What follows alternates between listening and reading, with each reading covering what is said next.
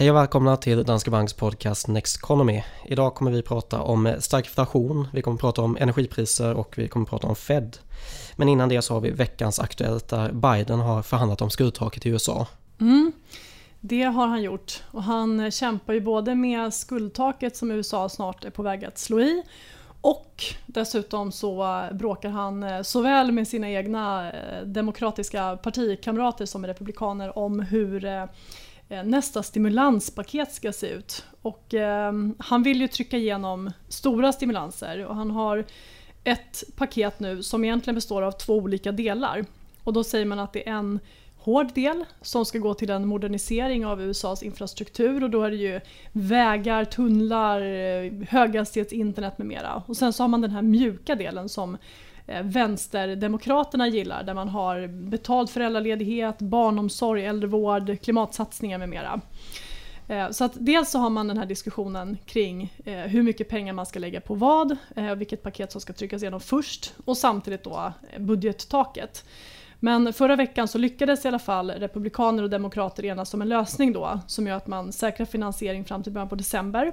Problemet är ju då att pengarna i kassan eh, för USA tar slut tidigare än så. Så att enligt Janet Yellen då så är de slut den 18 oktober.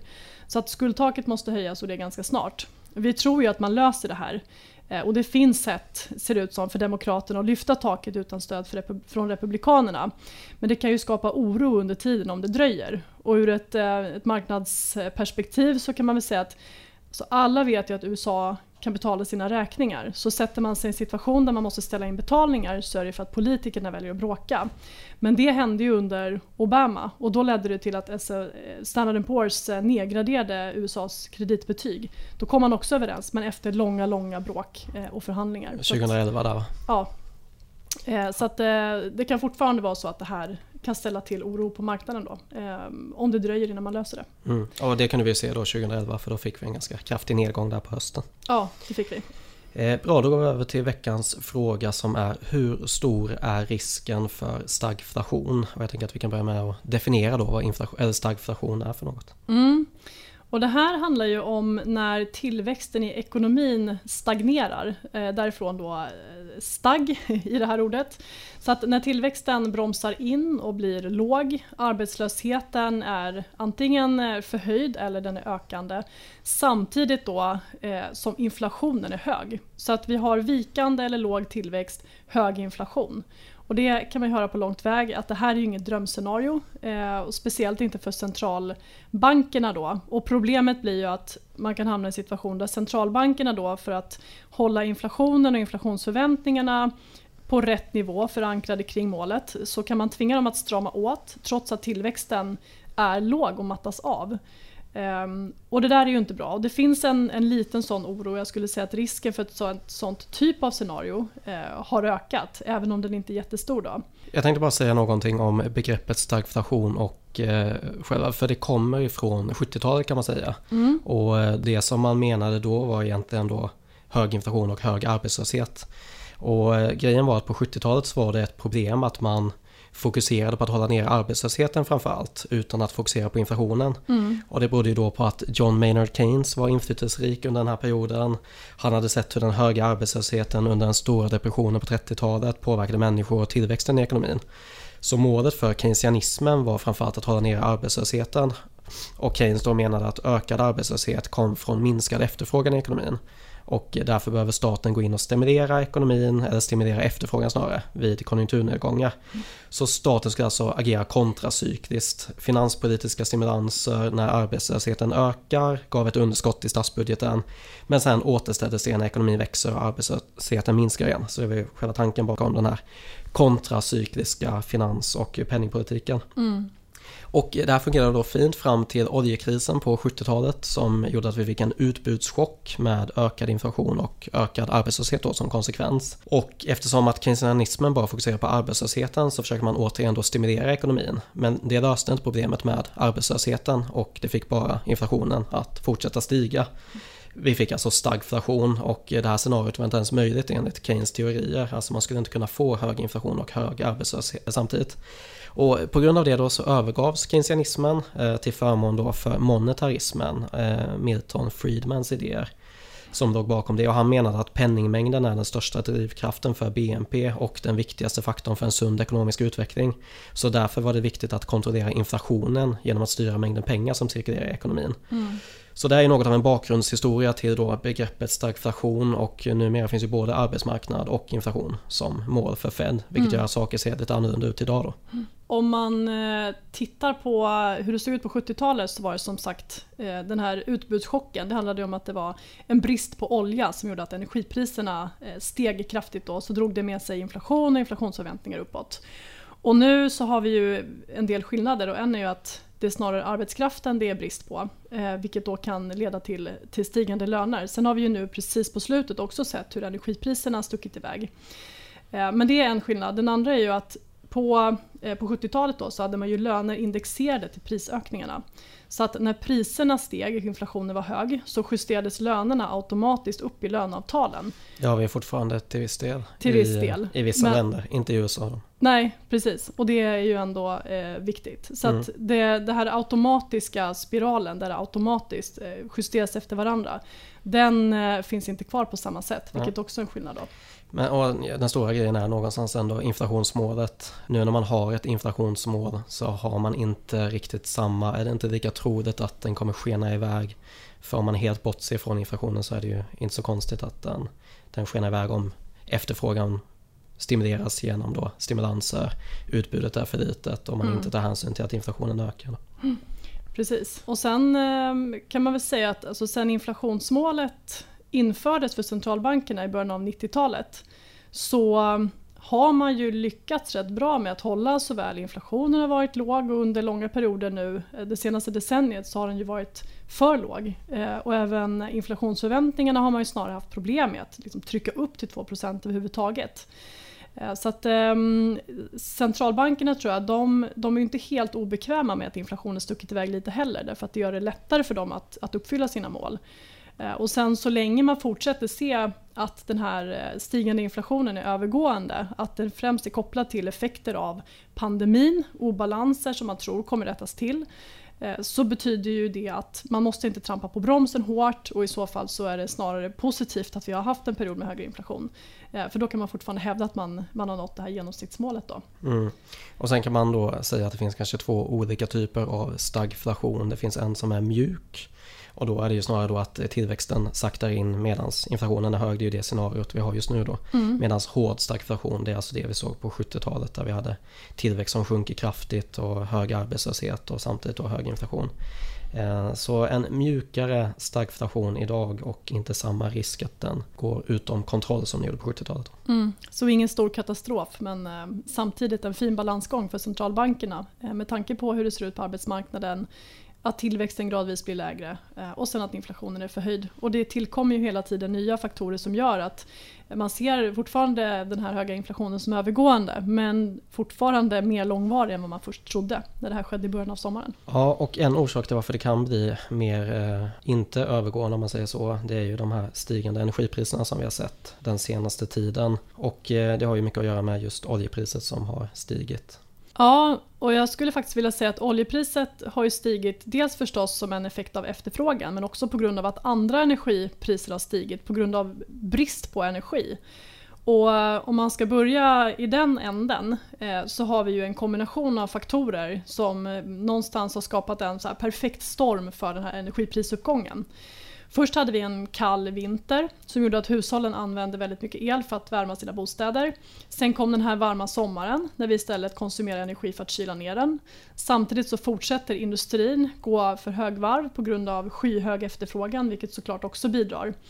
Sen har vi ju dragit ner produktionen av viss typ av energi som kärnkraft till exempel. Ehm, och eh, istället ökat både behovet och beroendet av andra energikällor. Och det gäller ju till viss del förstås då eh, fossila bränslen, det ser vi ju nu. Så att man istället gör sig beroende av naturgas och olja. Men också då eh, det positiva, grön energi, sol, vind och vattenkraft. Men den här varma sommaren gjorde att vattennivåerna är låga så att vattenkraften har inte levererat eh, det som man eh, tycker att den ska göra eller enligt prognos. Och det har heller inte blåst så mycket vilket drabbat vindkraften negativt. Så att utbudet av eh, energi är helt enkelt för lågt. Och det där spiller ju över på andra energipriser också. Efterfrågan på olja till exempel då skjuter iväg. Mm. Så att det bidrar också till, till oljeprisuppgången och den tenderar att vara styrande för inflationsförväntningar. Mm. Det finns faktiskt eh, något av ett talesätt på råvarumarknaden. Man brukar säga att höga priser är botemedlet mot höga priser. Mm. För höga priser det ger alltså ett incitament att producera så att man får ett överutbud. Vilket då gör att priserna kan gå ner igen. Och det skulle man väl kunna se i alla fall när det gäller den här eh, fracking-delen av oljeupphämtningen. Man säga. Att just där börjar man ändå nå en nivå där det börjar bli lönsamt att producera eh, den typen av olja.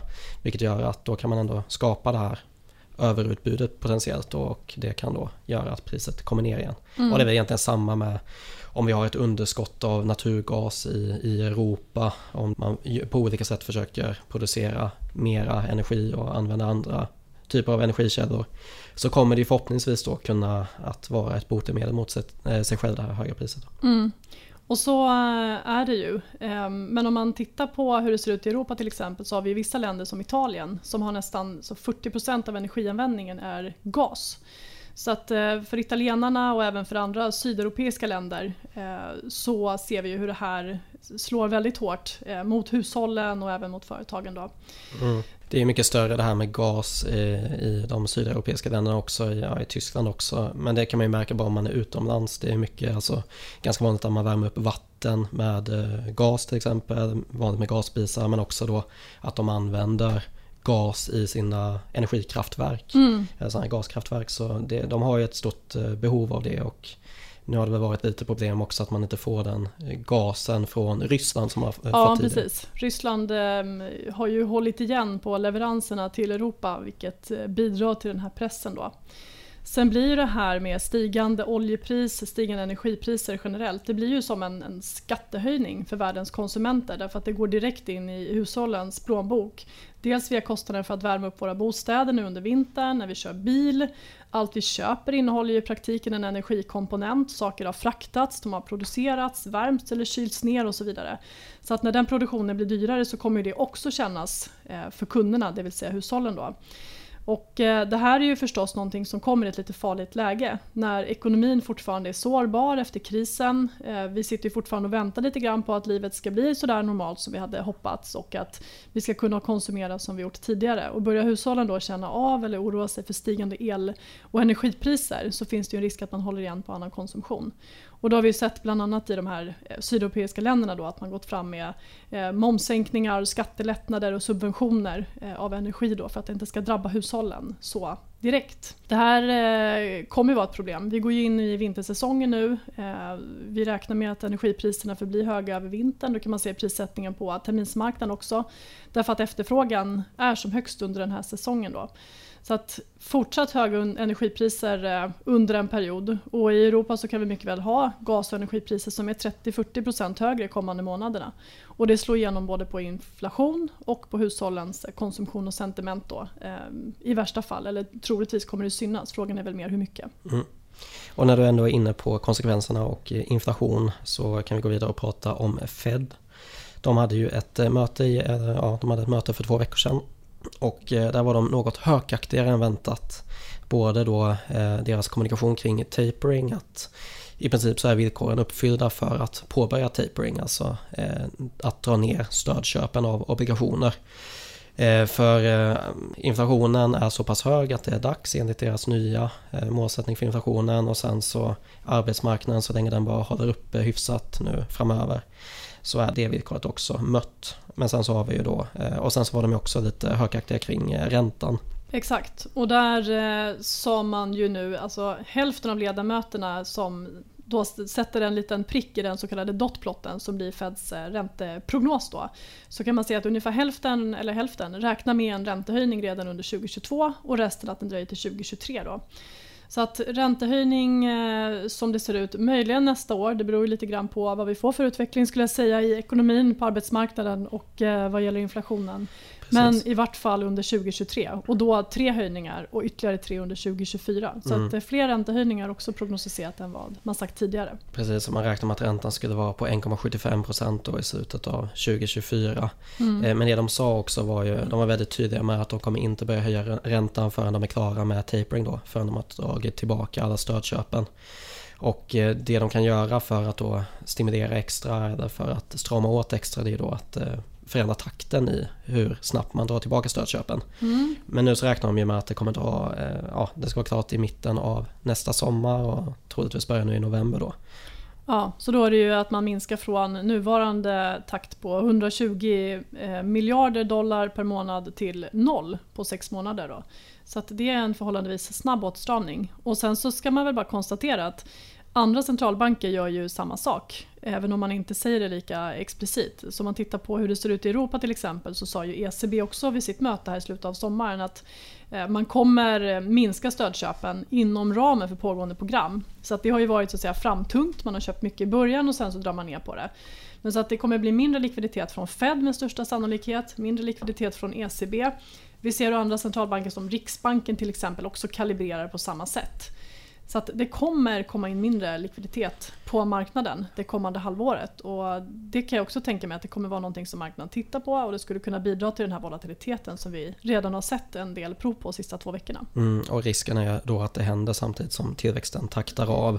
Och det var då det man kunde se tidigare under 2014-2015 där när man körde tapering från Fed att eh, det var i ett läge då vi hade en avtagande tillväxt i USA vilket också gjorde att avkastningen på aktiemarknaden var inte särskilt god under den perioden.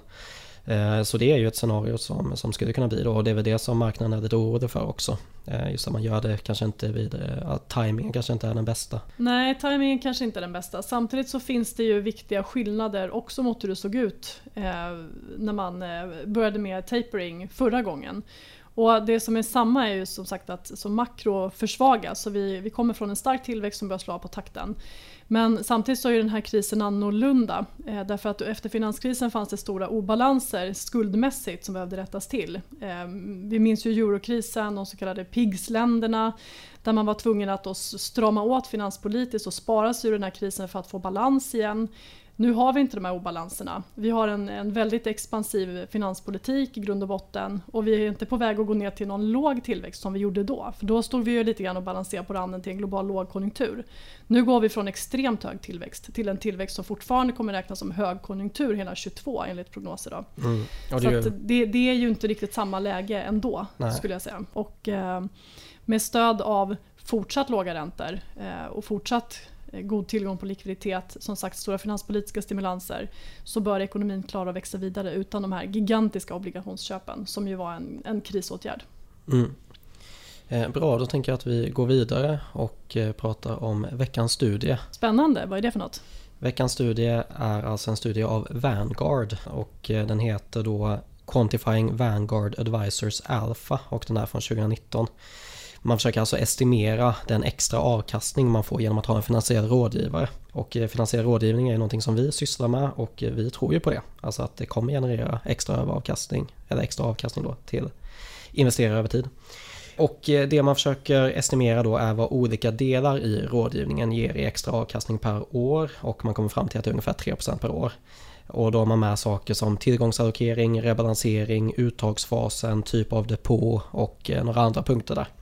Men den största delen kommer från beteendecoachning. Det är 1,5% av 3%. Och eh, beteendecoachning det krävs för att minska beteendegapet som är något som vi har pratat om tidigare. Alltså skillnaden i vad en investering eller marknaden ger för avkastning och vad en investerare får för avkastning. För när man kollar på vad investerare kan förvänta sig för avkastning så kollar man ofta på vad börsen har gett historiskt och antar att det är den avkastning som investerare kan förvänta sig framöver också, till exempel 7-8% per år för ett världsindex. Eh, men så är det inte riktigt. Alltså den avkastning investerare kan förvänta sig är faktiskt eh, något, eh, ja, någon procentenhet mindre än börsens avkastning. 1,5% mindre enligt Vanguard då. Och det är just på grund av vårt beteende. Och jag ska säga att det är två saker som leder till just beteendegapet. Det första är att vi försöker tajma marknaden, köpa när det är rätt men vi istället då köper och säljer vid fel tillfällen. Mm. Och det här är ja, tyvärr är det ganska många som säljer ner på botten. Det är ofta där som tidningsrubrikerna är som mest negativa. Många börjar sälja vilket gör att fler börjar sälja och eh, då är det svårt att stå emot. Och sen då när börsen går upp igen så börjar det kännas bättre och efter ett tag så börjar många få den här FOMO-känslan. När tidningarna skriver om köpläge och ger tre aktietips som alla borde ha i portföljen. Precis, man har sett prov på det på, på senare tid också. Eh, men då vill man inte stå utanför och se andra bli rika. Det här är vår ångra-version då. Man vill inte ångra beslut i efterhand. Så man köper igen för att inte missa den här uppgången. Och det här återkommer ju då om och om igen. Alltså vi säljer billigt och köper dyrt eller köper dyrt och säljer billigt. Eh, så det är det första, just den här marknadstimingen. Och det andra som skapar beteendegapet är att vi är för aktiva i portföljen. Alltså att vi av olika anledningar då tror att en aktie eller fond kommer gå bättre än en annan den närmsta tiden. Och vi helt enkelt byter för ofta. Och här brukar jag referera till Brad Barber och Terence Odin. De gjorde en studie 1991 till 96. De kollade på data för 66 000 hushåll och undersökte hur väl de hade lyckats eh, med deras portföljer beroende på hur aktiva de var under den här perioden. Och det visade sig att de som var mest aktiva fick en avkastning på 11,4% per år medan index gav en avkastning på 17,9%.